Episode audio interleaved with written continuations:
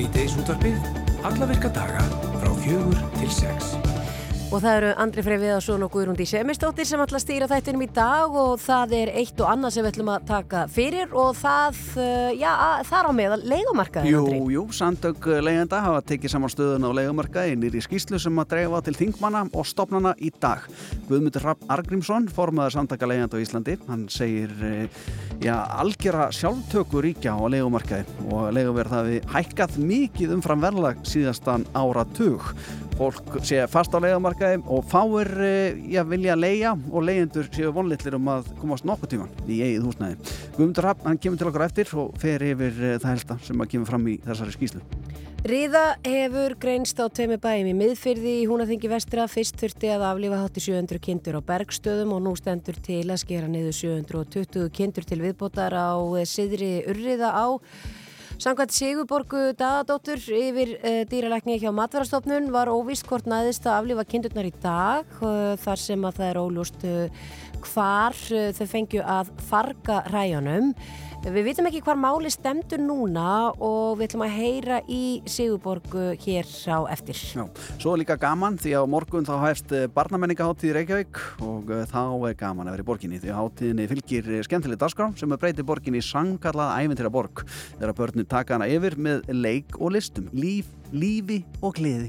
Nú, viðbyrjastjóri Reykjavík borgar uh, Björg Jónsdóttir, hún veit miklu meira um þetta mál og hún er þess að koma til okkur eftir og segja okkur alltaf helst á barnamenningaháttíðinni. Og svo eins og við vorum að segja í poplandinu hérna áðan og vorum að ræða með hans ykkur okkar, þá er að koma tónlistamæður til okkar á eftir jú, jú. með gítar, já, já. taka lægið í beinni. Það er komin okkur sem náður. Já, já. Okkur er alveg sama, við fáum bara ekki nóga mannunum. Nei, nei, menn hann er náttúrulega stórvinnur okkar og náttúrulega bara góðvinnur íslensku þjóðarinnar. Hann ætlar að vera með tónleika á síðasta vetardag á samt fleiri já, stórstjórnum í Háskóla Bíói. Minnst ekki það. Já, og má ég segja núna hver þetta er? Já, ég held að það ætlar að fara að uppljóstra.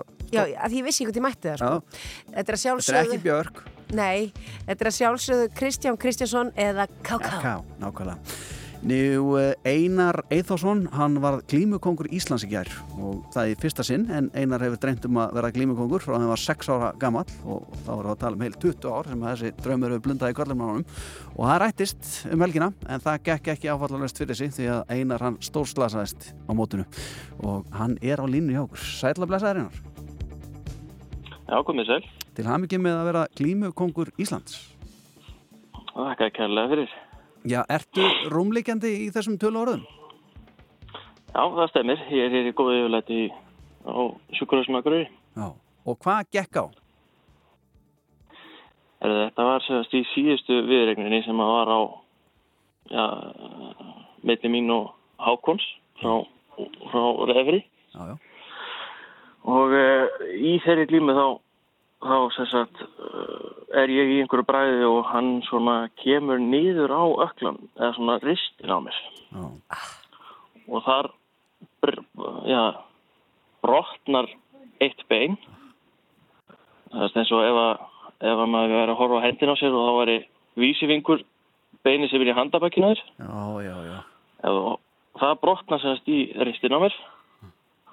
Og þetta losnar alltaf eitthvað frá og þetta er eitthvað sem heitir Liz Frank áverki. Já, já. já hérna. Þetta hefur ekki verið þægilegt, er það? Eh, nei, þetta var ekki gott. Þarna áttur eina klím eftir eða ekki? Nei, ég, ég slasaðist í þessari klím á, á móti hákonni og ég... Vannst samt? Og ég, hérna, ég þurfti síðan að Uh, og við náðum jafnglými þar þannig að við náðum hvorur að leggja hinn Já. og að því að við vorum jafnir að stígun þá þurftum við að glýma aftur og það er til fröytar já, já, þannig að það er bara þanga til að annars dettur akkurat, akkurat. og það voru heilar fimm mínútur þarna sem ég glýmdi með ristina í maski yes. Já, menna, dattir aldrei í hug eða kvarlaði aldrei að þér bara að gefast upp? Ekki á þessu móti Nei Nei, nei. Ekki, nei, það, það var eiginlega ekki í, bóði. Nei, nei, nei. Þetta er magnað, sko glíman, íslenska glíman, e, það, hún er nú ekki þekkt fyrir mikil meðslið eða hvað? E, nei, svo sem ekki, en, en e, þegar það hittist bara stál í stála þá, þá gefur eitthvað sig. Já, Já. akkurat. En, en þessi andstæðingur þinn sem að, já, þú nærð að, að sigra lokum, hann hefur væntalega verið alveg niður brotin, er það ekki að hafa brotið þig? Eh, ég hef ekki spurt hann úti en, en jú, ég það hlýtur nú að vera. Maður, ég, hef nú sjálfur verið í hans spórum að að meiða einhvern svona. Já. Þetta er ekki góð tilfinning sko. Nei, Nei. nei. En ég minna, hann getur hugað sig það að þú er búin að býða til þessi 22 ár, nú ættu bara að liggja nokkra vikur, þannig að þetta er allt í góðu. Já, bara sex vikur viðbútt. Akkurat, bara einar, sex þetta eru sem sagt sex vikur sem að, já, þetta, er, þetta mun hafa daldil áhrif á lífið þitt. Getur þú til dæmis stund að vinnu, svona, eins og þú ert? Nei, nei, nei, nei, nei, nei. Nei, Ég, ég er rafvirkið aðtjónu og þetta er orðið, ég get ekkit, nei, nei. ég er ekkert að vera að vinna þetta sé komið í lag. Oh, Ertu hættur að glíma, nú ertu búin að ná þínu markmiði og búin að slasa þig líka, er, er þetta búið hjá þér eða er þetta bara rétt að byrja? Ég, ég mun hefna fyrir þetta. sjálfsögðu. Þetta er rétt svar einar, hár rétt svar. Uh, Takk kjærlega fyrir spjalli einar, Eithásson, glímukongur Íslands og innilega til hamingju enn og aftur. Uh, Sigurður Gunnarsson, hann vildi endilega að þið myndu spila lag fyrir þið sem heitir Sigtryggur Vann. Þekkir þú það? Já, ég kannast eitthvað við það. Ja, þetta er glímulag, þetta er glímulag. Er, takk kjærlega þetta, takk og, þetta. og bara njóttu og, og gangiði vel þessar sex vikur sem að tekur það að skrýða saman. Já, takk fyrir. Bless, bless. Hér kemur lagið.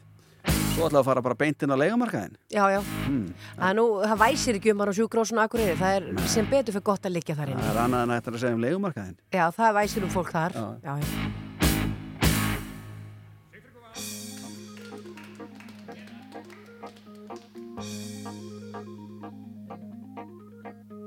Hér er ekkert hrafnaþing, hér er dans og dreig. Farðu vel með vatstæling, vinur elskuleg. Hér er gott að dansa,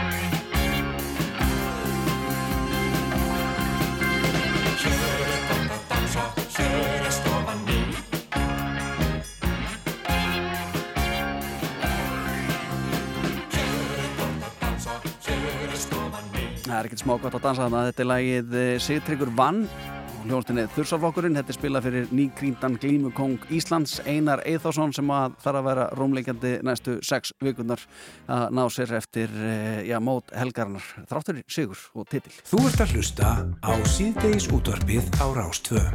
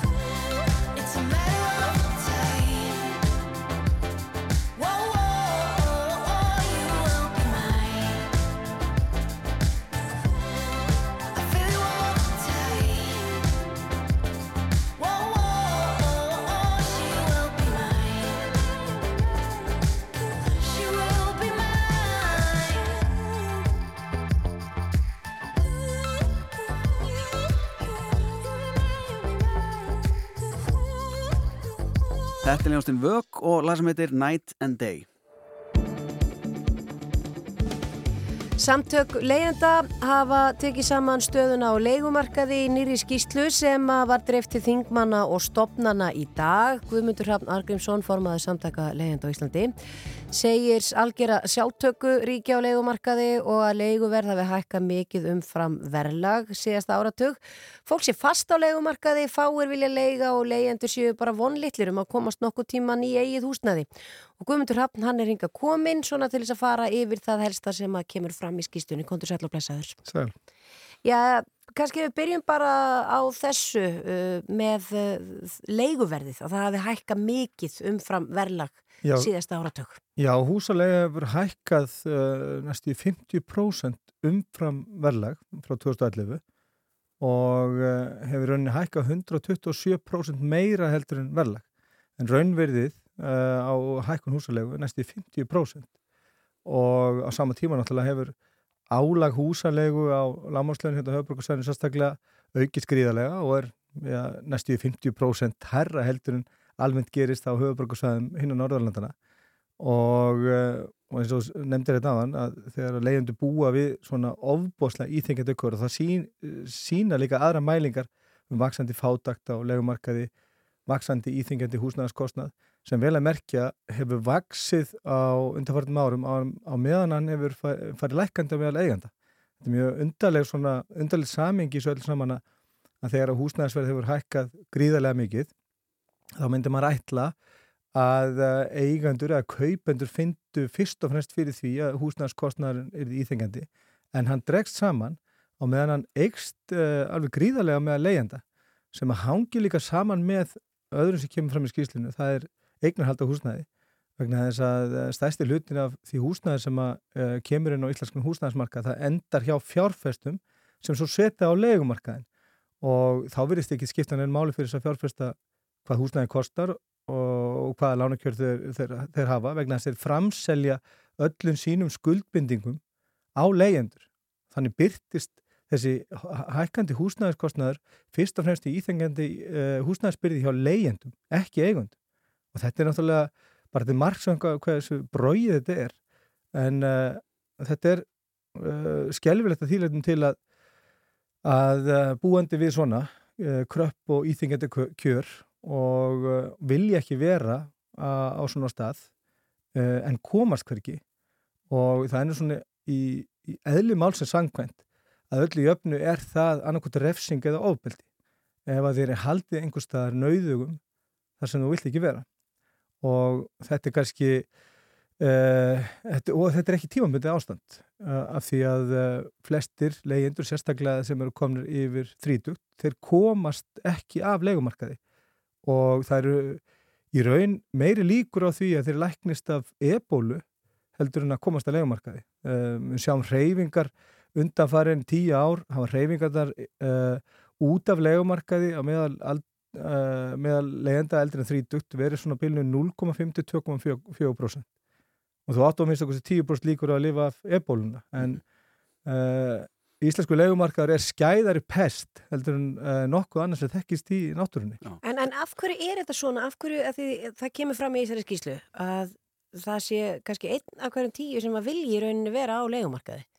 En, en það hlýtur að, markaður hlýtur þó að bera þess merki að þetta sé, já bara glataða markaður, fyrst að vill engi vera það. Já, það hefur allt, í sögulega samingi uh, Íslandikar ekki vilja vera á legumarkaði. Uh, bara fyrir 20 ára síðan þá voru hlutvallið um 23% þannig að það voru ekkit uh, að því að legumarkað var alltaf í sögulega samingi svona einhvers konar svona uh, stoppistöð inn í sérregn. Uh, en núna breytingin sem er orðið er að þetta er varanlegur uh, staður fyrir leyendur en hins vegar á sama tíma þá uh, fækkar hlutvallegenda uh, sem vilja vera, vera á legumarkaði uh, og það er fyrst og út af því að húsnæðiskostnaður leyenda er að, um, að meðaltal miklu herri heldur en þeir sem er að, að kaupa sér.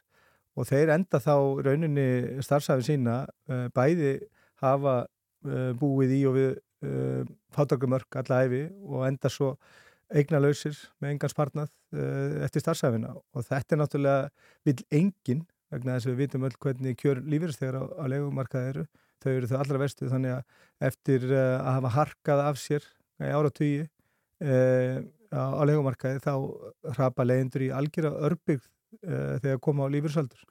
Þetta er sko náttúrulega ekki nýtt vandamál og við erum að ræða þetta hérna ár eftir ár eftir ár og eitthvað er þá vesnar það bara og þú segir að þetta náttúrulega vill engin en, en það er samt ekkert að gerast. Af hverju er ekki búið að henda einhverjum reglum í gang? Eins og sumir að tala um eitthvað þak og, og sumir að tala um að banna reynlega fjárfestum að kaupa svona svaka mikið eignum af hverju gerir ríkið ekki neitt? Eru þau sjálfa leið og dýbúður að þau eru vendalega ekki á leigumarka eða hvað er hvar stoppar það? Ég held að, þeir, að sko auðvitað eru margir hagsmunir hérna sérstaklega í, stjórnmálastjættinni þetta er náttúrulega efnað fólk eiga kannski vensla fólk sem eru legosalar, eru kannski sjálf legosalar uh, og svo náttúrulega þeir sem að taka ákvarðanir og sérstaklega þeir sem að matreiða í rauninu upplýsingar og framsendingu af stjórn, stjórnvöldum eru um, eigna fólk og, og hérna og draga svolítið taum uh, þeirra sem hafa hagsmun að því að legumarkaðun sé eins og hann er.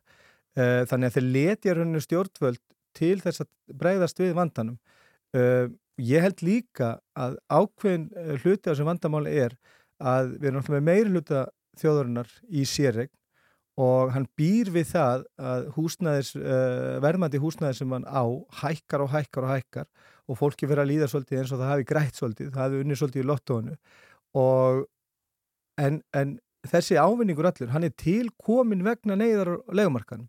Það er að segja að þið hérna, sem að búið í sérreik að þið eru að njóta uh, hörmungana á legumarkaði að því að sko uh, hækkandi fastegnaverð á Íslandi umfram uh, það sem hefur verið að gerast annars þegar Európu er tilkomið vegna gróðavonar á legumarkaði. Það sína bara alltaf tölur varandi hverjir hafa verið að kaupa húsnæði og, og, hérna, og stöði fólks á húsnæðismarkaði. Hvaða hugmyndir eru þið eh, hjá samtökum leiðanda með svona til þess að veginn spórna við vandan? Já, við viljum til dæmis bara fyr- fyrst og fremst að banna skamtímalega húsnæði, uh, sekta fyrir aukt húsnæði, uh, skatleggja auka íbúður. Í Noregi er bara fjórfaldur fastegnaskattur á auka íbúðum, uh, hámark 40% lánhlutvall. Uh, það þarf að setja leigu bremsu sem var nú í gildi hérna í 16 ár frá 83 til 99. Það þarf að uh, setja lögum vísitölutengingu húsalegu samlinga. Það er án laga heimildar, þau lög voru, voru feld og gildi 1999. Þannig að sko það er að bera víða niður en fyrst og fremst er að taka utanum og, og, og takmarka sjálftöku á legumarkanum vegna þess að það er sjálftakan sem gerir þetta svo eftirsóknumvert. Það þarf að setja bara þak og bremsu á hvað húsalegum á að vera mikil. Auðvitað, það er náttúrulega bara algjörlega sjálfstætt meðan er svo mikil markasbrestur.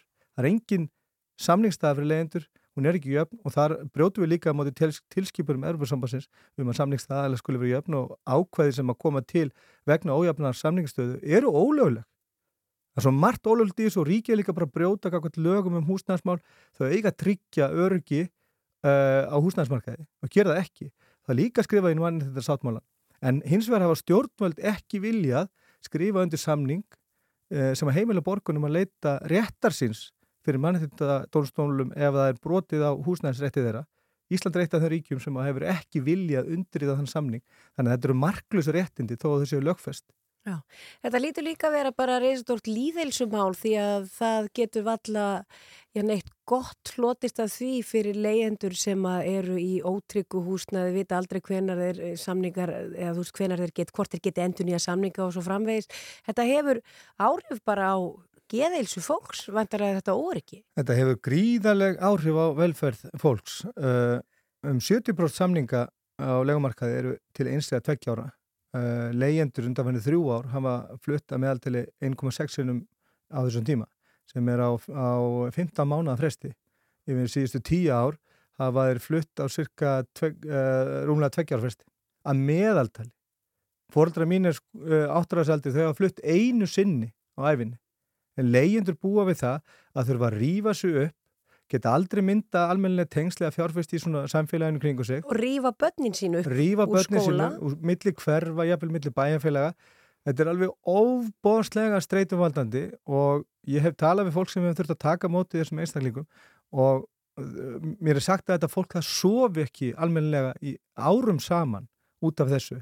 Og þetta er náttúrulega þessi yfirvonandi húsnæðismessir og svo að missa húsnæði er eitthvað uh, mesta áfall sem nokkuð maður getur lent í uh, og ég benn og verið fyrir þeim öllum þessum áfallin sem fólk lendir í en þetta er uh, klárlega eitt af því vestar sem fólk getur staðið fram fyrir það er að missa heimili sitt með öll börnin sín. Þetta er að gerast bara uh, reglulega hérna úti og sérstaklega núna þar sem að húsnæðaskorturinn er svona mikill. Hvað viltu, er eitthvað í þessari skýslu sem að kemur í rauninni á óvart eða er eitthvað sem að þú vilt svona draga fram í dagsljósið? Það er ekkit sérstakt sem kemur óvart. Við erum náttúrulega búin að vera að, eh, me- með þessa orður að þetta er ekkit nýtt fyrir okkur. Þetta eru staðrindir sem við erum búin að vera að uh, tala um núna síðasta árið. En það sem kannski er sláandi í þessu er að leigumarkaðurinn eins og lítur út í dag, hann er verk stjórnvalda. Það þarf enginn að segja mér að 500 sérfræðingar hjá ríki og sveitafélögum með kannski 20-2500 ára háskólanám á bakinu, vinnandi við þetta 280 daga ári í 10 ár, að eitthvað af þessu hafi gerst óvart. Þannig er verk stjórnvalda og einbeittur viljið þeirra vegna þess að það er svo auðvelt að laga þetta og þau sína hins vegar enga viðletni til þess. Guðmundur Hrafn Argrímsson, formaður samtaka leiðanda á Íslandi, takk kjærlega fyrir komuna. Rástvö Hún Katrín var alltaf með talsverðar áhyggjur á bókaldsmálum fyrirtækisins. En ekki lengur. Við höfum nefnilega greitt úr öllum hennar vanda. Syndu því sem skiptir þig máli með bókaldi í skíinu. Væs. Við erum með lausnina. Það er komin hitabilgja hjá Serrano. Beislaðu orkuna og gríftu með þér burrito af matseðli á aðeins 1499 krónur. Serrano. Fresh. Happy. Max. Tónlistarháttíðin heima í Hafnarfyrði. Hveðjum veturinn og fögnum komandi sumri síðasta vetrardag 19. apríl. 13 hljómsveitur og listamenn, 26 tónleikar, 1 kvöld. Heima í stofu og svo eftirparti í Bæjarbíó með Guðrún Árni. Miðasala á tix.is. Vinir heima eru Hafnarfjörðabær, einstök ölgerð og rástföð. Byssuskápar. Þrjárstærðir. Vesturöst.is Viltu stinga af í smá stund? Draumafríið býður þín með Æslander Vita. Veiðimenn. Vortilbóðin eru í veiðibúð allra landsmanna á netinu. Sendum samdægus. Opið núna. Veiðihornið.is Toyota BZ4X er nýr 100% ramagsbíl sem hendar fullkomlega við íslenskar aðstæður. Já, ströymar geta svo sannarlega ræst. Toyota. Síðdeis útvarpið, stóru og litlu málinn frá fjögur til sex Á rástföð.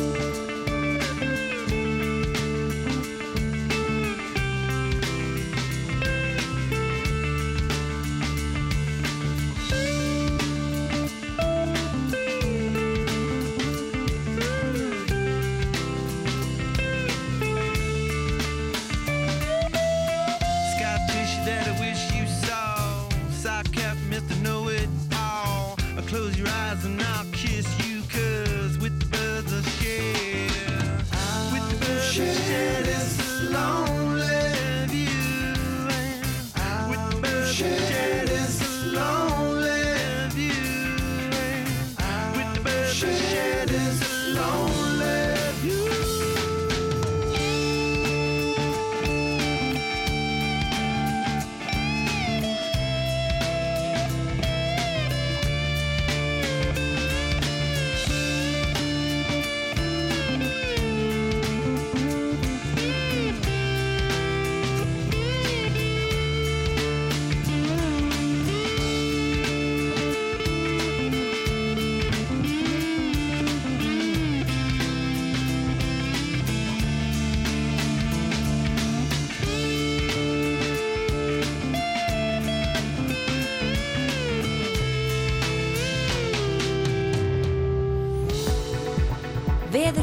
Næsta sólaringin. Ætlum að rýta til veðurs uh, sunnan og suðaustan átt viða á bílinu 8 til 13 metrar á sekundu. Mm. Það er svo væta með köplum sunnan og, og vestanlands en úrkomu líti á norður og austurlandi og stundum bjart á þeim slóðum, segir hér. Já, já. Það var nú svona, það var kaldara fyrir norðan um helgina heldur en uh, hér á höfuborgarsvæðinu. Mm, uh, margir hér sunnan heiða fengur bara svona sömarfíling á þessu dag og lögadag. Mhm. Þetta er ekki samála því. Mhm. Já, já. Já, ekki spurning, það var æðislegt. En hlusta á þetta. Hva? Nú skiptist þetta því að hiti verður á bylunu 7-14 stig og nú verður hlýjast á norðaustanverðurlandinu þannig að uh, fólki fyrir norðan og austan er að fara að fá eitthvað fyrir sinn snúð. Njú, hva? Því það var alveg, þú veist, svolítið kaldar um helgina Já, en já. að það skein að svo gula, hann glemti sig Hún var að aðeins, glenna sig, já, já. aðeins á lögadaginn. Hún var að glenna sig. Já, já, já, já. Er það komið þér? Þetta er bara stutt og, og laggott Ég er nefnilega með nokkra skemmtilega púnta eða sem tengjast einmitt dagsetningun í dag sem er eh, 17. apríl og það er nú gaman að segja frá þýkuna minn að, að eh, á þessum degi, það er nú ekki lengra síðan en 1913 það sem að já, jábraut á milli öskiliðar og reykjaugafnar tekið nótkun og var að nota til þess að, að flytja grjót Já, Já. ég vissi þetta ekki. Já, jábraut að teinar bara hana, að minnst að magna Hvert fóru? Ég, Nýra höfn, frá öskilið, nýra höfn Þarna var að moka grjóti, sko Já. Sama ár og sama dag, mín, þá var það Ölgerinn Egil Skallagrimsson, Egil sem að tóti starfa og sko þeim til hamingjum um daginn. Sama ár? Já, í ní- 1913. Rísa dagur? Ég veit það. Eh, þetta er ekki nóg, það er meira fyrir þið, sko. Þegar Birgitta Jónsdóttir, eh, Íslands skáld og stjórnmálamæður, hún, eh, já, fyrrum stjórnmálamæður, hún á ammali dag, fæðast þessu degi ára 1967 og ef þú ert ekki búin að finna ræmu til að horfa á kvöld, þá er ég með góða tilhuguna. Nú. Apollo 13 því að þessum degi ára 70 1970, þá var Apollo 13 eh, sem sagt eh, gameskipið sem að lendi heilu og hölnu í Kirrahafinu mannst ekki myndinni, Tom Hanks Það, Tom, ég er búin að sjá þessa mynd. Ég fennu, sko, miða við hvað ég er lélega að horfa á myndir, þá fer ég valla að horfa aftur á hana. Jú, Heldur það? já, Tom Hanks myndir með Tom Hanks margar eru þannig að maður getur horft á það aftur aftur Já. En mér stótt að þú sért ekki að rukka með um uh, veðrið sumandaginn fyrsta. Nei, byrju, ég, ég, er ekki, ég er ekki búinn Nú. Mér langar að segja frá því líka ég, ég, ég, ég tek þetta í lótum sko Ég langar að segja frá því líka hvernig mín á þessum degi ára 2010 þá var það Þorgerur Katrín Gunnarsdóttir eh, varaformaður sjálfstæðarflokksins sem að sagði af sér og tók sér hlið frá þingstörum áður höfðu Björgvin G. Sigurðarsson eða Sigursson fyrir ekki samfélkingunni og Ylli Gunnarsson eh, sjálfstæðarflokki einnig tekið sér hlið frá þingstörfum vegna upplýsingar sem að framkomi í skýslu rannsóknarnendar alþingis Já. En hvað segir um ykkur Dís? Hvernig verður það með sumadaginn fyrsta? Verður sumadaginn fyrsti rauður eða verður hann hvítur? Ég held þú ætlaðir aldrei að, að spyrja Andri Freyr Hvað Viðarsson. segir mig? Hvernig förum við inn í þetta sumar? Mannefnilega eftir í... Frjósa tíðina saman?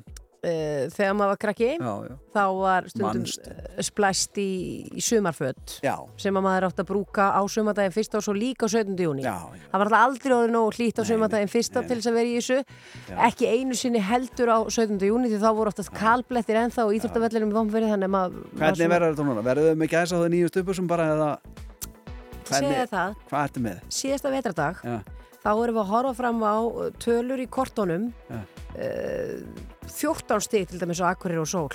Akkurat. 15 stig á Egilstöðum og Sól. oj, oj. þetta er síðasti vetradag að sjá til og hvernig verður þetta á sumardaginn fyrsta? Hvernig verður þetta á Mér sumardaginn sýnist þessu bara nokkuð jafnt skipt. Í alvörni drottin allar að blessa okkur með því. Eh, það verður 10 stiga hitti í Reykjavík og Oh. það mun sjást í sólar. Já. Bólungavík 9 stiga hitti Akureyri 10 stiga hitti og sko full sól. Menn þurfa að bera á Yes. sig þar. Egilstaðir sömu sögu segja Ég og bara- þeir toppa þetta. verða þá að stoppa 11 það. gráður. Ég verða þá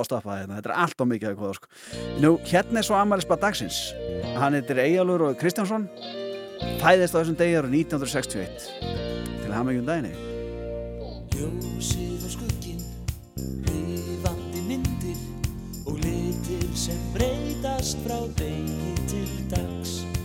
Undarleg fegur, einstakur heimur, andrá frá sólarubrás til sólarlags. Heitlandi tónlist, og haföldur brotna við klettóta strönd. Sigglingum vogar, salt bræði munni, sögur um framandi æ heyra lönd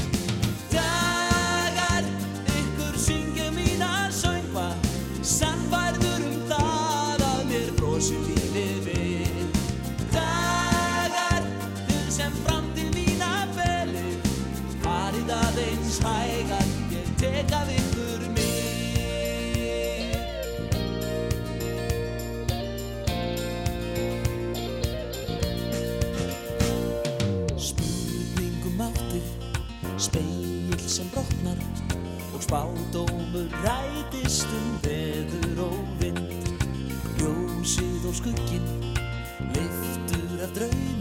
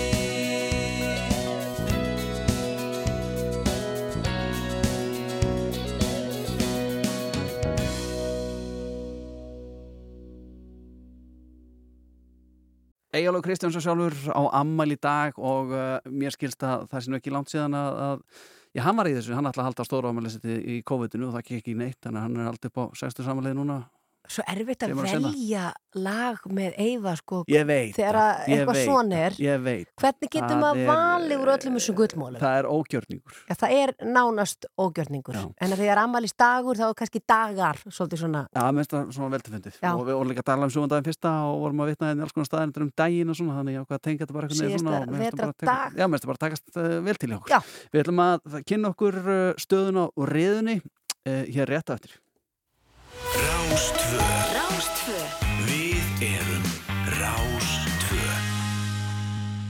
Það hefur mikið verið fjallað um riðu í fréttum að undan förnu en eh, sá ömulegi atbörður áttir sér stað. Það riða hefur greinst á teimur bæjum í miðfyrði í Húnaþingi vestra. Fyrst þurfti að aflífa hátti 700 kindur á bergstöðum og nú stendur til að skera niður 720 kindur til viðbótar á Sirri Urriða á og samkvæmt eh, Sigurborgu Dagadóttur yfirdýrleikni hjá Matvarastofnun var óvís hvort að það næðist að aflífa kindurnar í dag þar sem að óljóstu væri hvar þau fengju að farga hræjunum og Sigurborg hún er á línni hjá okkur, kontur sæl og blessuð Sigurborg. Komið sæl. Eh, Hver er staðan á málinu núna? Jú, það er bara byggstaða eins og er. Ég, hérna við gætum ekki hafið aðgerðið í dag vegna þess að förgunarleið var ekki tryggð. En ég fengi svona spurnir að því að það væri möguleiki að ykkur opnast. Þannig ég býða bara eftir símtali og, og að staðfestingum að, að það sé að ganga upp. Já. En við getum ekki hafið aðgerðið fyrir að það er alveg, alveg potjett. Nei. Þetta að klára keðina. Uh, já, einmitt eins og þú segir, það þarf öll keðjan að ganga upp. Uh, er þá möguleiki að uh, dýrónu verið fargað á morgun í síðasta lægi af því að þið hefur verið að tala um að annars þurfa að býða fram yfir söðburð? Já, þannig að við förum ekki í að flytja fér eða, eða aflífa sko, fér sem er lampult og er búin að, eða gengi meira en 90% meðgöngunar og, og sá tími er bara hundamind komin. Þannig þetta er bara, glukkin er að lokast, hann lokast hundamind á morgun. Já. Og hvað gerist ef glukkin, eða þetta hefst ekki? og þá verður aðgjörum frestað fram yfir söpur og jæfnir fram á sumar. Það verður bara ráðast. Hvað, svona, nú eru margir að hlusta sem að hafa ekki hugmynd um hvað riða í raun og veru er og þetta er náttúrulega búður í fréttum undanverið en það er samt fólkan úti sem að átta sig ekki alveg á alvarleika málsins. Getur þú útskýrta fyrir okkur svona, svona hvað riða er og, og hvaða áhrif þetta hefur á dýrin og, og okkur hinn sem að kannski myndum borða það? Já, sko riða er príón sjúkdómur eða protein sem að breytist þannig að verður, það veldur sýkingu og þetta er hægfæra lömunar sjúkdómur að hægfæra heila hörnunar sjúkdómur og dregur dýr alltaf til dauða. Það tekur svolítið langa tíma frá því að smittarnir berst inn í dýr og þá til að klínisk enginni koma fram.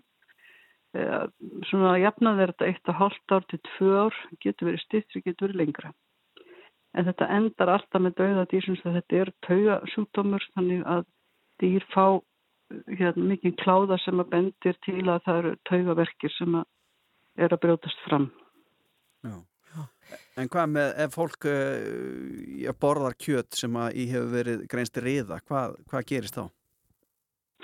Það er, það er taldar hverfandi líkur á að fólk smittist en það er ekki heimilt að, að hérna, koma sér neyta kjöt eða dreifa kjöti slátra dýrum til manneldi sem að í, í hjörðum sem að greinst hefur riða.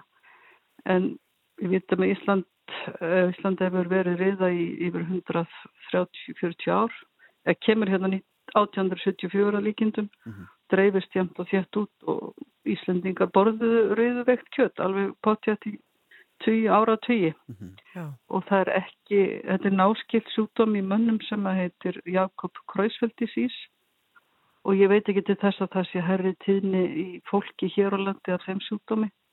Þannig að, að öllum líkjöndum hefur þetta ekki borist í fólk með nýslu slíkra afurða. En það er bannað í dag að, að slátra á til manneldis. Já, og Sigurborg eins og þú segir glukkin er að lokast en þú gefur þessu einhverjar klukkustundir í, í viðbót uh, og, og vonar það besta. Já, já, já, svo sannarlega því að þetta er alveg skelvilegt að skelverið stað að vera í og ekki síst fyrir ábúendur að býða meðlega vonar ofta um að þetta takist að, að hefja aðgjörðuna fyrir, fyrir sögbörð og allir sem að þessu koma, þetta er bara mjög erfitt. Já, við óskum ykkur góðskengi Sigurborg Daðadóttir yfirdýrleikning hjá Matvæla stofnun. Takk fyrir að vera á linni hjá okkur. Já, þakka ykkur. Bless,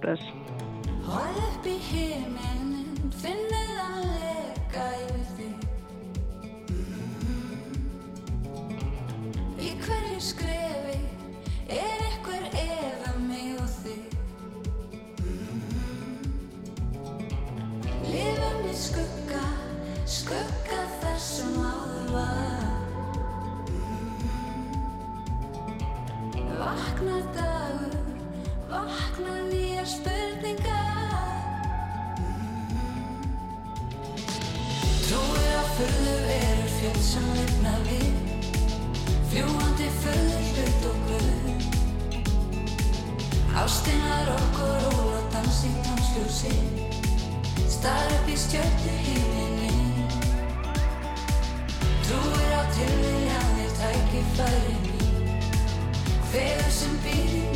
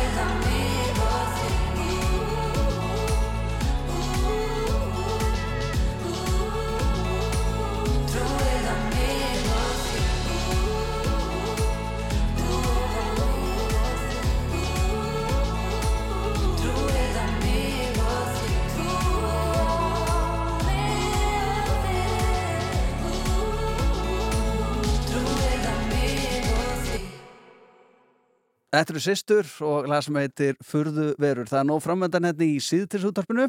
Við ætlum að fara að ræða hérna um uh, barnamenningarháttíð á höfuborgarsvæðinu og svo kemur tónlistaratrið til okkar í, í flutningi KK. En þetta áttur á móti er íslenski dúetin Ampop sem er starfa nú ekki lengur held ég, alveg röglega. Aldrei skal maður segja aldrei. Þetta er lagið My Delusions.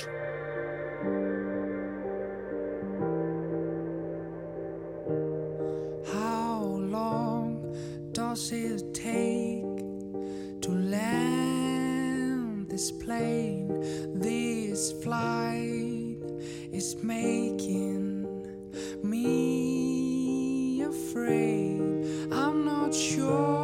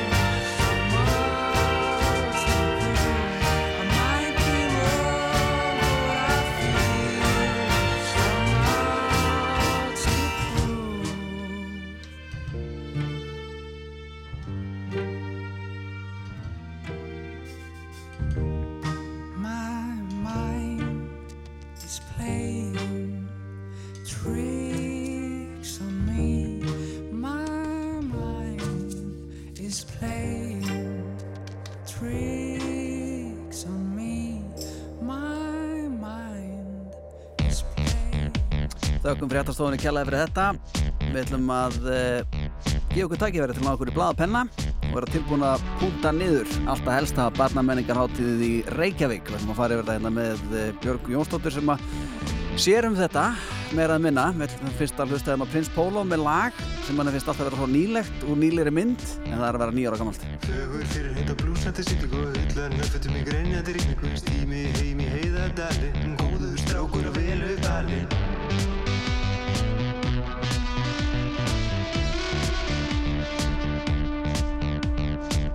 uppalinn gott að knúsa kerlu. Erlu, erlu, erlu, góðu erlu sem giftist mér því ég kunni að skaffa. Sjómaður og sonur að snappa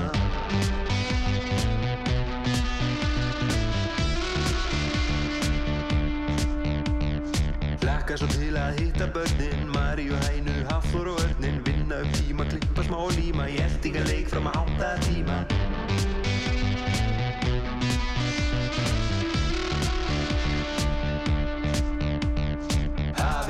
ég þekki ekki annað Afi, var harmenni annar var mamma. Sultu slögnuna, sýstir mín Gunna, funna, brósi Var öruglega vangi minn frendi Rendi mig æskunni. Afi, ég þekki ekki annað Afi, var harmenni annar var mamma. Sultu slögnuna, sýstir mín Gunna, funna, brósi Var öruglega vangi minn frendi Rendi mig æskunni. En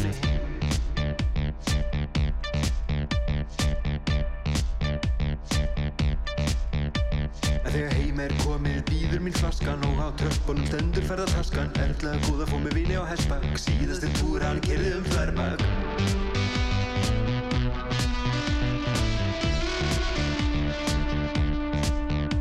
En þegar botniðin á þau bara standa upp aftur Þetta veit hver hilbit er aftur. Vaknandi mönnum er best að lifa. Lífi geta bara ég þið höfð ekki að stefa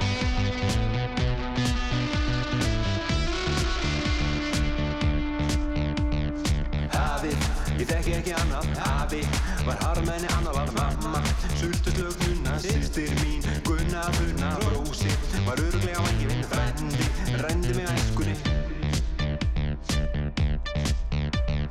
Afi, ég þekki ekki annað. Afi, var harmenni annar var mamma.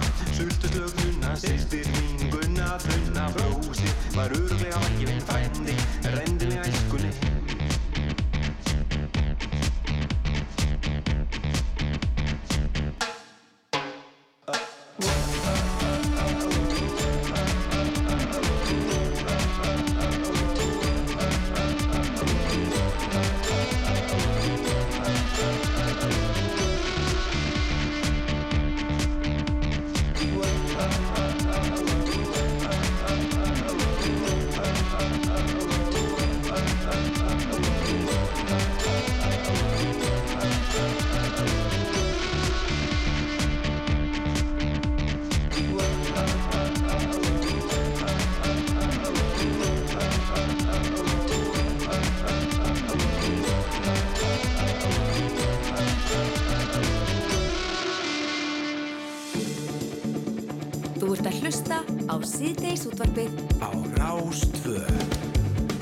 þetta ekkert sláðandi upplýsingar með lægið? Það er að nýjára gammalt, myndin líka, Paris Norrisins. Það er aldrei það. hvað tíminn líður hratt.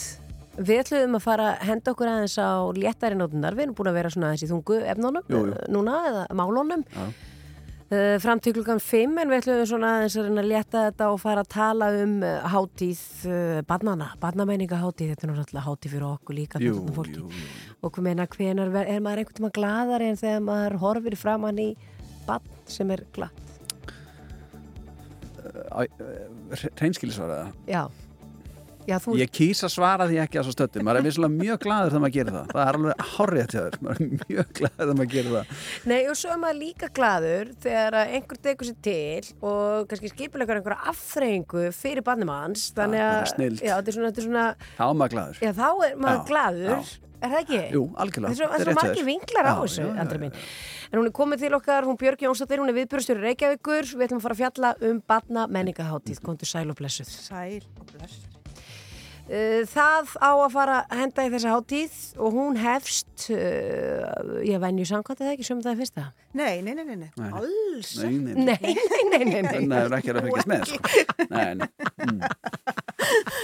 Hún hérna hefst á morgun. Já, hún hefst á morgun. Þetta er sem sagt hefst á morgun 8. apríl Já. og er sem sagt 6 daga hátíð. Já, þetta er, þetta er bara næst í Já, vika. Þetta er bara fu- full, full og stór hátíð. Já. Hefst á morgun og sem sagt á venju samkvæmt þá sem sagt, hefst hún á sem sagt opnuna degi í, hérna, í hörpu. Já, já. Það sem við, hérna, all börn, all börn í fjórðabæki í Reykjavík fá bóð um að vera við, hérna, opnuna viðbyrðin sem þar fyrir fram. Það er svo gaman frá því að segja því ég á batni í fjórðabæk þannig ég er búin að fá póst um að hann eigi að mæta það að lesa póstana, ég er alltaf að reyna að segja það ykkur, þú ert að lesa póstana hana hm. Hann er verið sér búin að vera að æfa eitthvað lag. Já, akkurat, Já, og þar fáðu einmitt, svo skemmtilegt og nefnir það. Þá, þá, þá fá þessi hérna, fjö, hérna bönnin í fjörðabæk tækifæri til þess að frumflytja lag sem þau sömdu með Vigdísi í hérna Haflega dóttur í flott. Sem sagt lag barnamenningar hátíð 2023 og, hérna, og það verður flu- frumflutt með þessum bönnum á morgun. En þau tók, sem sagt, tóku þátt í að semja textan við það. Já. Já, og hérna fengu svona verkefni þar sem þau áttu að, skoða inn á við og, og svona pínlítið svona finna þetta sagt, þema lagsins er svona er hérna friður. Og þá svona fóru þau að vinna með hérna þetta hugtak og hvað veit gefur þeim frið, hvað veist þau telja að vera frið og hvað við getum gert til þess að fá frið í heiminn. En hvað er reikniði með mörgum börnum hann á morgun? Sko á morgun, við það er nefnilega á morgun þá erum við, sem sagt, við byrjum á því að vera með fjórðabekkingana og það er sem sagt, sá viðbyrjuð tvítingin, það er, sem sagt, þá er það 1600 börn sem koma þangað.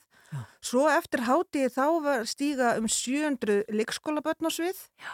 og, hérna, og spila og, og syngja hérna, dags, lög eftir Röggu Gísla. Já, Þetta er eldri börn í leikskóla og, og, hérna, og, og svo nefndir í tónskóla Sigursveins. Svo er viðbyrjur um kvöld, þess að upptakturinn þar sem börn eru að flytja, hérna, þar sem fagfólk er að flytja uh, tónlistaverk eftir börn og svo er hátíðasýning listanskóla hérna, uh, bara á Ís Íslandi uh, verður um kvöldi þannig að við erum eiginlega að fylla eldborgarsalinn fimm sinnum Á morgun. Á morgun. Þá kem ég aftur með Já. spurningu til þín, Andri. já, Er eitthvað krútlera en að sjá Nei. hundruði barna Nei, nei. eh, syngja og dansa Nei, nei. mögulega líka saman? ég er nú verið svo heppin að fá að vera og njóta að sjá mitt svona síningu sko, það er alveg svakalegt sko. Er þetta er alltaf svolítið svona, svona, svona, svona rík Já. moment sko. Já. Það er það. Það er engin skömmið að gráta í- í Alls svona- ekki, ekki sérstaklega svona fallega þegar börnin er að, Já. syngja öll svo fín og Já, fallega, þú veist, og eru svo spennt Ekkert smá sko, komin á stóra sviði sko. þú og svo hérna og svo taka þau bara grílulög og ég veit ekki hvað og hvað Þetta er. Sko, þetta er sexta hátíð. Er þessu raðað upp eins og uh, stórar tónlistarhátíð? Það er svona eitthvað eitt aðal á hverjum degi eða er þetta bara svona víða dreif og uh, hver metur það hvað er aðal? Já, þetta er, já, sko, þetta er, sé, þetta er sexta hátíð og það er, þá, þá eru þessar þrýr dagar sem hana er með dagskrá sem fer svona fram á svona vinnutíma barnana, þá er það oft svona eitthvað svona sem er að gerast þá bara inn í skólunum hjá þeim og, og, hérna, og svo er þessi sexta, svona þrýr dagar sem þetta fer fram á svona frítíma fjölskyldana og þá erum við til dæmis, þú veist, með hérna á sumandaginn fyrsta, þá ætlum við aftur að vera í hörpu með tónlistarhátti sem heitir Big Bang Festival sem er svona evrósk tónlistarhátti, við erum í svona samstarfi við hérna, hérna evrósk samtök varðandi hérna, tónlistarhátti fyrir börn. Og við verðum þar alveg allan daginn, það er alveg mjög glæsilt dagskrá og svo verðum við í, hérna, upp í Gráa í Spönginni, borgarbóksamninni í Spönginni með ævindarhöllina næstu helgi, þannig að 22. 23. og þar verður líka mikil dagskrá fyrir hérna, fyrir hérna börn og fjölskyldur með fylgta svona smiðjum og það er kargi, það verður dans, það verður sirkus, þú veist, BMS brós og, og upplöstur og alls konar þar og það sem vil svo skemmtilega til að öll hátíðin er sko, veist, það er frítt á allt. Já.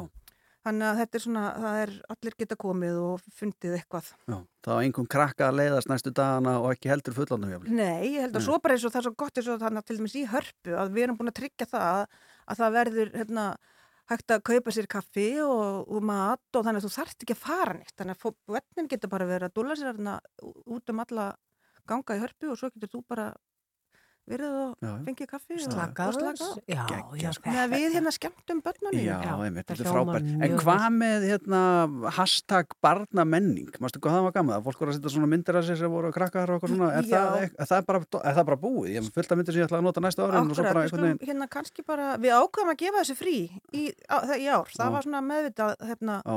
þú veist, stundum hérna þetta er náttúrulega þegar við gerðum þetta fyrsta skipti þá var þetta bara svona, gerðist þetta pílítið óvart Mhm.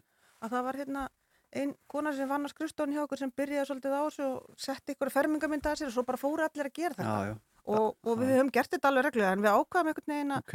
að gefa sér frí núna Já. en þú, þér er Já, allt já. velkomið að setja inn og ég held að það sé alveg við hæfi það, sem ég ætlaði að segja var einmitt eh, ekkert verið að segja um að þetta sé frí Nei. í ár og svo Nei, bara nei, menn hendir hann þetta er sinn. Nei, nei. En ég stið þetta, ég býð bara með mína mynd kannski á glannast það er svo gott út, maður er stundum svolítið að býða bara, ég einmitt. sé þess að mynd ykkur svona, Svo kemur hún bara hátíðin og fer og maður byrja hvað Hva, einmitt, hva er nú að gera? Sparna til næsta árs. spara til næsta, já. það er alveg gott En Mér- það er þetta, kynna sér þetta allt saman inn á bara barnamenningarháttíð.is og svo er lægið, Björg, sem að uh, flott flytur, sem Mhm. heitir Kæri heimur. Uh, segðu okkur aðeins frá því. Já, þetta er lag sem sagt sem hérna uh, sem að allir fjórðu bekkingar í grunnskóla Reykjavíkur tóku þátt í að semja með Vigdísi í flott og henni hérna Rögnhildi Vegarsdóttur. Sagt að þau, eins og ég sagði, þá- þau, þau fá hérna ákveðið svona verkefni eh, þú veist, í, í, í skólan sinn, að, eins og þarna var, var, var þema var hérna friður og þau eru svona, er að, það er svona ákveðið verkefni og svona umræðir sem fara fram inn í bekkjunum hjá þeim og svo fær, svo, svo senda þau vitið sig, þú veist, hérna hugmyndirnar sínar. Já. Og hún tekur hugmyndirnar og býr til, bjóð til hennar snildarteksta og þarna geta mörg börn bara fundið eitthvað frá sér í, hérna, í tekstanum. Þarna skegngust við bara inn í heila bú uh, fjór, uh, bassi í fjórðabæk. Já, og þarna er þetta oft líka bara svona hlutin þurfi ekki að floknir. Þú veist, svona, þú veist, að, hvað við getum gert til þess að öðlast frið Mhm. Og bara hlusta börnin, sko. Akkurat. Það er það sem við ætlum að gera hérna núna. Takk kjærlega fyrir komuna í sítið Sóttarpi Björg og gangið vel með hátíðina, barnamenningarhátíð Reykjavíkur sem að hægt er að kynna sér bara með að fara bara inn á reykjavík.is eða skrifa bara barnamenningarhátíð. Það er bara best að fara bara að barnamenningarhátti.is þá bara Akkurat það sem ég ætla að segja. þetta Það er einmitt það sem ég ætla að segja næst sko. Það er bara best að fara á barnamenningarhátíð.is. Og hún hefst á morgun. Hefst á morgun. Við ætlum að líða þér að læði með flott. Kæri heimur heitir uh, er eftir alla fjóðabekkinga á höfubróksvæðin. Við séum gleðilega hátíð. Já, bara takk fyrir sömu leiðis.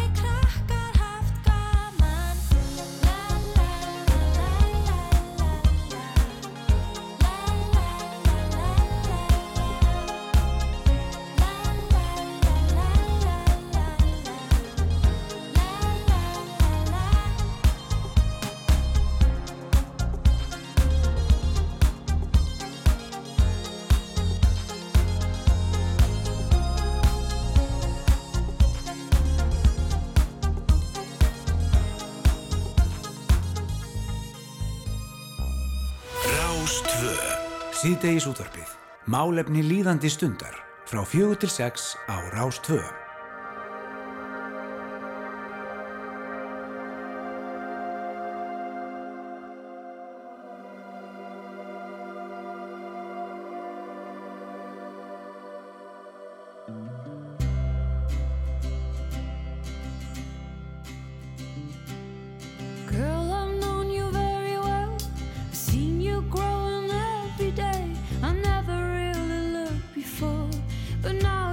Take my breath away. Suddenly you're in my life, part of everything I do.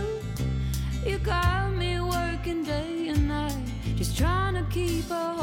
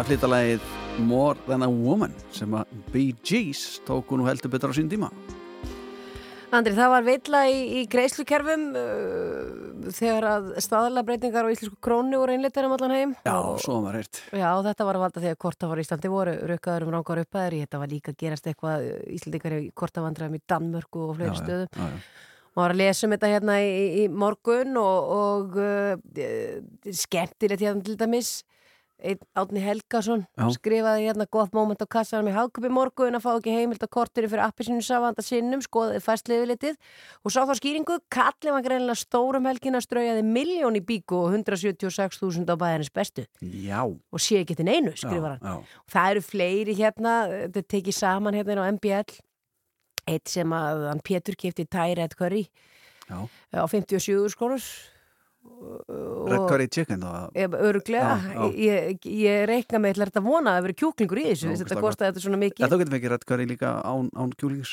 Já, og svo er það einn Haraldur hérna sem að ég sé að í bíkói breytinni þar eitti hann 1.399.600 krónum.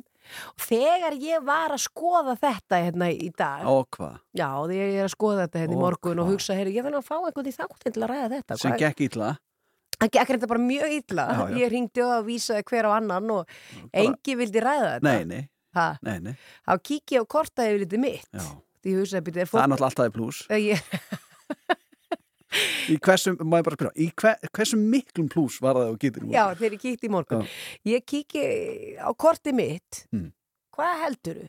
Heldur að gamla hef ekki skellt sér í... Já, er nú ekki. Nema Ég-? Ég skellti mér í ríkið. Já, það hefur nú gerst Það hefur gerst einu að tvisar áður. Já, já Á lögadaginn á Akureyri. Mhm. þar, ég, þar sem ég var stödd á Norrlandinu fara og, já, já. ég hendi mér í ríki maður og alltaf kifti þar einni rauðri Já, já, lítilli Ég- Já, nei, nei. Æ, ég, það er einhvern veginn neins já, já. ég kefti eina rauðvín Það bara er bara svo still í hana Gunnur sko. já ég kefti eina rauða Já. og kipu af öll Fyrir gesti Jú, jú, Já, já. ekki að ég að fara Nei, að drekka nei, þetta nei, áfengi. Já, já, þetta er svona bara hófleg kaup finnst mér á, á já. þá sé ég það og kortur í morgun að fyrir þetta hafði ég greitt litlar 586.400 krónur. Það er dýrasta rauðuslaskan tekin bara á hillinni sko. Þetta var, þetta var bara svona hendur minn. Ha? Og hvað? Þannig að þetta var bara þannig að... Það er búið að leiða þetta með skilíka Það er búið að leiða þetta núna. En, en maður var að lendi vandræðum, það ætlum að reyna að hátteginu, það var ekki hægt. Nei. Því það var náttúrulega Þú korti maksað, ég já. skuldaði þetta. Þetta er dýr sopin, Þetta er rosalega hann var dýr. Þetta er böl, áfengi böl uh, allar verið. Nú, þetta er náttúrulega magnað og margir lendi í þessu eins og þú ert að reyða upp inn einhverja sögur og svo vil enginn koma eitthvað inn og, og svara fyrir þetta sem er rosalega þægileg stað að vera í. Uh, ég veit um eina manneski sem lendi ekki í þessu. Já. Það er Björk Gummistóttir. Hún var að koma fram á Coachella átíðinni uh, í Kaliforníu sem er náttúrulega einn stærsta tónlistarháttíð í heimi og eh, spannar nokkra daga og fleiri hundruð uh, listamenn sem að koma fram á, á þessar átíð. Eh, veistu er komað saman? Nei. Blink 182 Nei. og við bara aftur sama gamla góða tríóðum maður beint í Adamsson bara og hérna Trúi og ekki. things og allt þetta maður, ég get svara já, já. Eh, Björk var ekkert að pæli þessu með kortin hérna heima því að hún var að koma fram á hana Coachella eins og það sagði hérna og, og uh, þú veist hvernig þetta er með Björk sko, hún, hún sko, ég heyrði eitthvað Hún borgar allt með var eitthvað slikt að segja frá því að, að sko allir gróðin hennar fer í tónleikahald, hvað sem er, veist, að búið til einhver rosalega flotta umkjörð utan um tónleika og það er engin líi held ég, ég meina hún var að spila hérna í, í eh, var ekki í New York hérna nokkra tónleika röð sem að voru bara fyrir einhverja 1700 manns en, en umkjörðin kostaði, ekki hvað marga miljardar sko Já, þannig að hún er að þjena en hún leggur Þetta það allt, listinn, sko. já, leggur það listinn, allt sko. Já, í næsta verkefni. já. Já, það er það. Herði, hún gerir sér bara lítið fyrir með og að með sko, sko því líka síningu í hálóftunum 800 drónar Hæ? Já, meðan að íslenska drotningin kom fram. Það var 800 drónar að leika listi sínar fyrir hún Hverju voru að stýra þessum drónum? 800 snillingar, einhver staðar. Ég veit ekki, ég, ég get ekki svarað því að svo stöttu kannski bara eitthvað svona gerfugreint ég veit það ekki, en það minnst það þá voru 800 stykki svífandum í, í himnunum og meðan og, og þið getur nú meðal annars bara að sé þetta með að fara inn á vísi.is og þá getur séð svona nokkur mymbönd af þessum gjörningi sem er alveg magna og hérna mynda henni með einhverja geggjaða grímu hérna og komandi fram í sólinu og, og ég fór svona bara, ég held að hún ekki verið að taka þetta. Nei, heldur ekki. Nei, Nei. ekki með Drónana. grímun og dróna sjóði sko Þetta er gott lag. Þetta er samt. geggjalag, geggjalag, sko hlusta og svo fyrir við að dempa okkur í KK so quiet. Shh, shh. It's oh so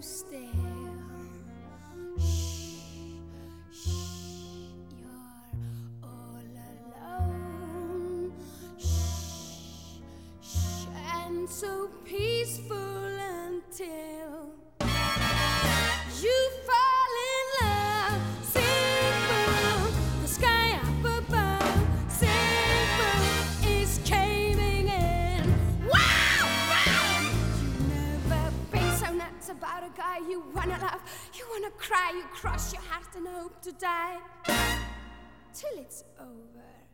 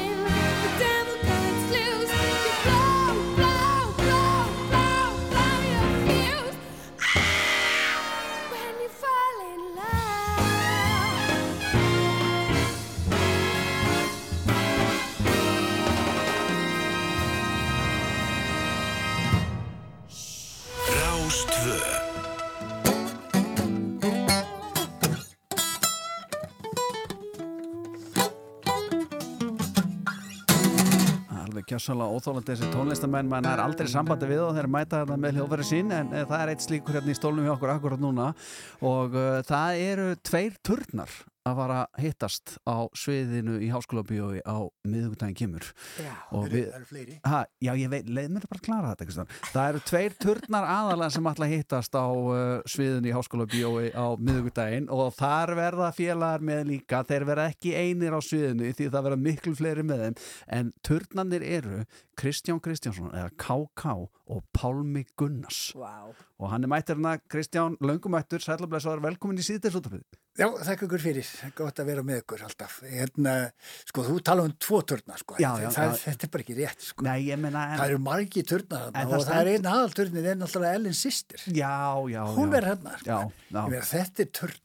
Já. E, e, þetta er fagur, þetta er, Ég- ég- við erum turnar, hún Já. er eitthvað annað, hún er Kristján, eitthvað svona ég- fallegur, svona spírall sem það fyrir að tegja sér áttina til himnana. Hún er, svona, hún er svona Hallgrímskirkja, hún er svona Já. kirkjuturn, svona alveg glæsileg Já. og eitthvað, eitthvað dul, dulafull og já. En nú, nú er svolítið verið að skjóta sendibóðin hérna sko, því að það stendur á auðlýsingunni KK og Pálmi Gunnars.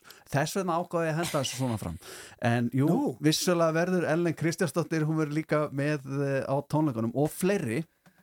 Eithór Gunnarsson hérna og, og syngur með okkur og spilar og, og, og Guðmundur Pétursson, gítarleikari. Já, akkurat. Einvala lið, sko.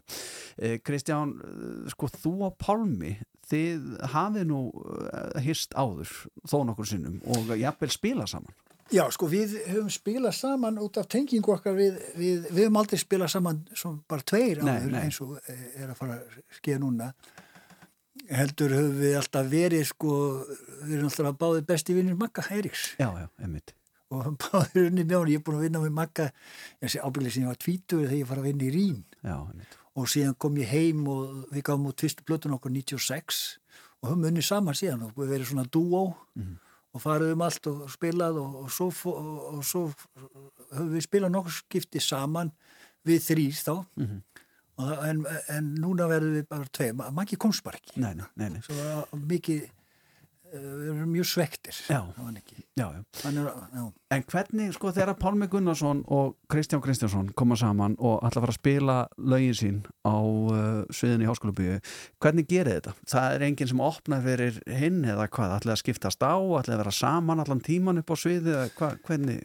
Uh, við, erum sam, við erum að spila erum, hann er já, hann er náttúrulega gúðdónu bassaleikari og, gama, og, hérna, og ég spila á, á gítar svo við erum, þetta er bara bandi er á sviðinu allan tíma Einmitt, einmitt, einmitt. Er ekkert eitthvað svona þú byrjar og svo tekur... Nei, nei, við erum að syngja saman og sikkur lægi en alltaf saman á sviðinu að spila. Einmitt, geggja. Þannig að þið, þið eru svona að hjálpa stað bara með lög og svona og, jafnvel já, lög eftir fleiri.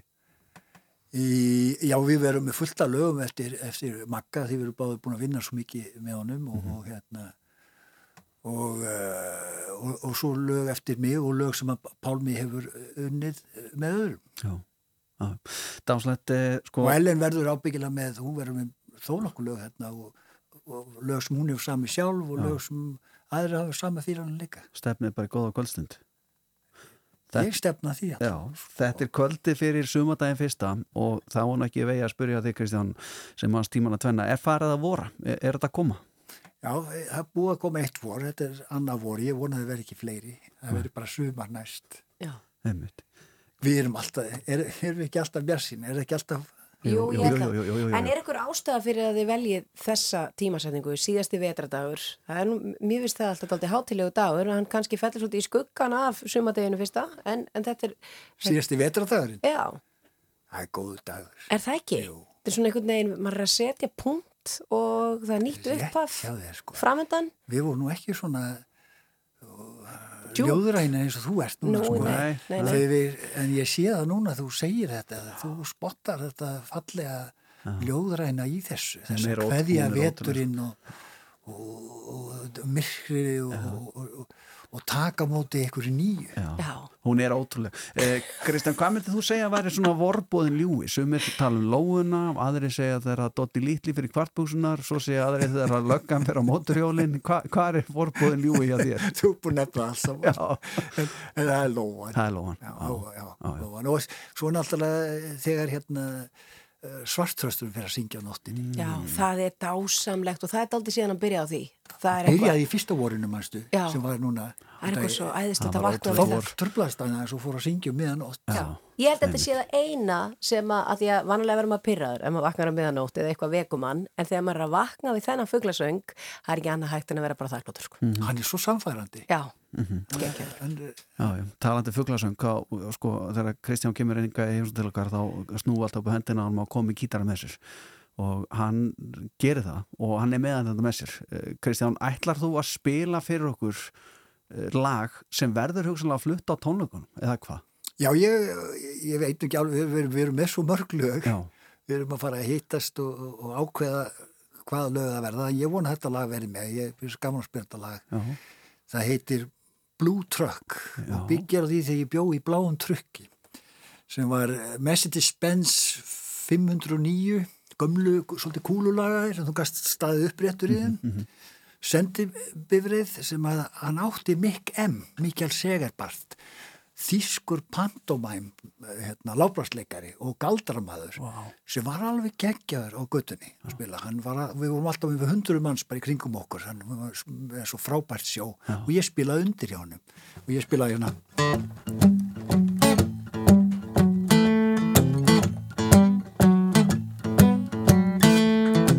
og með þá dansaði hann og geði galdra hann átt, hann átt, skal ég segja þér, hann átt rakvilablöð hann tók rakvilablöð og, og til sína hvað þau voru beitt þá skar hann í sundur spíl og svo stakk hann rakvilablaðin upp í sig og svo dansaði hann og ég spilaði undir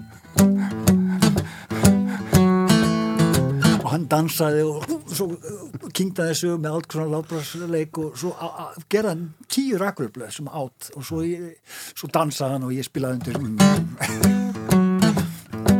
svo tók hann upp tvinnakepli og tók svona meters langan bút og beiti hann og vöðla hann saman átan og dansaði og kynkti þessu. Svo dansaði hann um henn og skemmtilega dansaði svo allt innu var hann bumbult og fór og náði spottan og dró hann út og dró rakarubleðin út úr sér. Hvert á fætur öðru sko. þetta var svolítið óhugnalegt, þetta fór svolítið um fólk sko, Já, þegar maður sá þetta.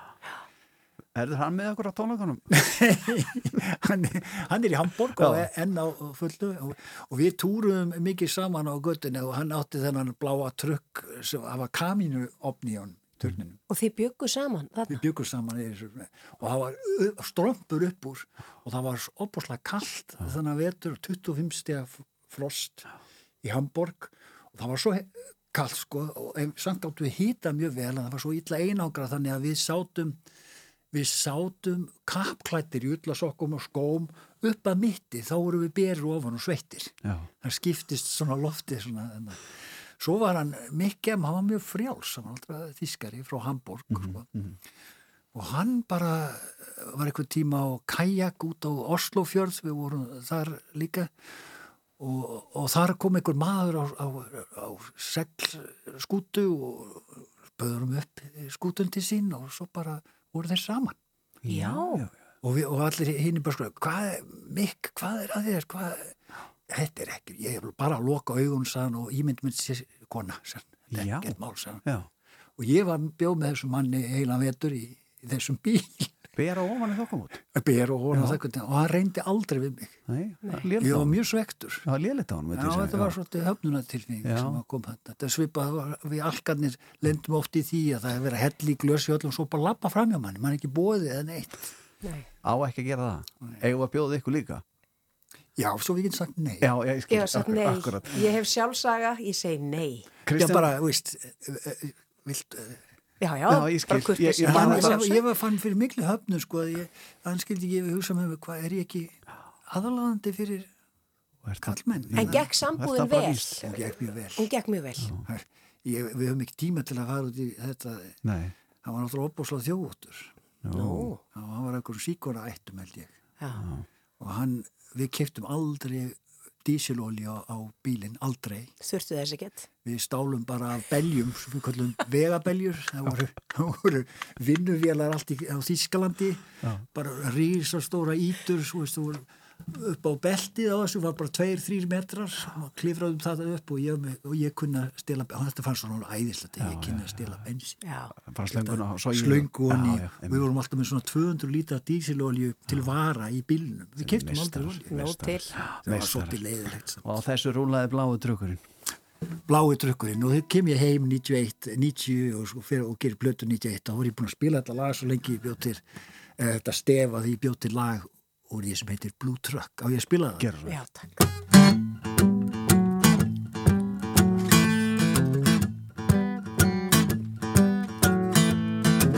Wake up baby it's your turn to take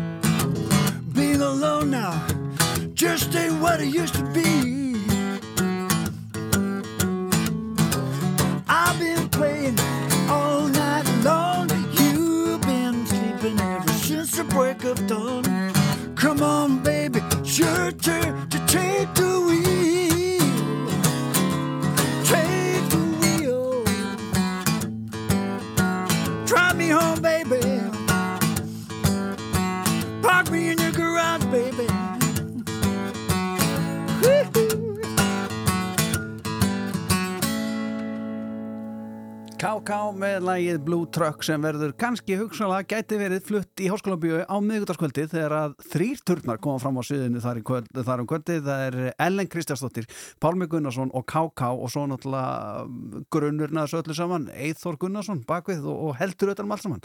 Og hvað? Guðmundur Pétursson. Og Guðmundur Pétursson fyrir ekki að nákvæmlega. Takk fyrir þetta Kristján og gangi ykkur vel á Þakka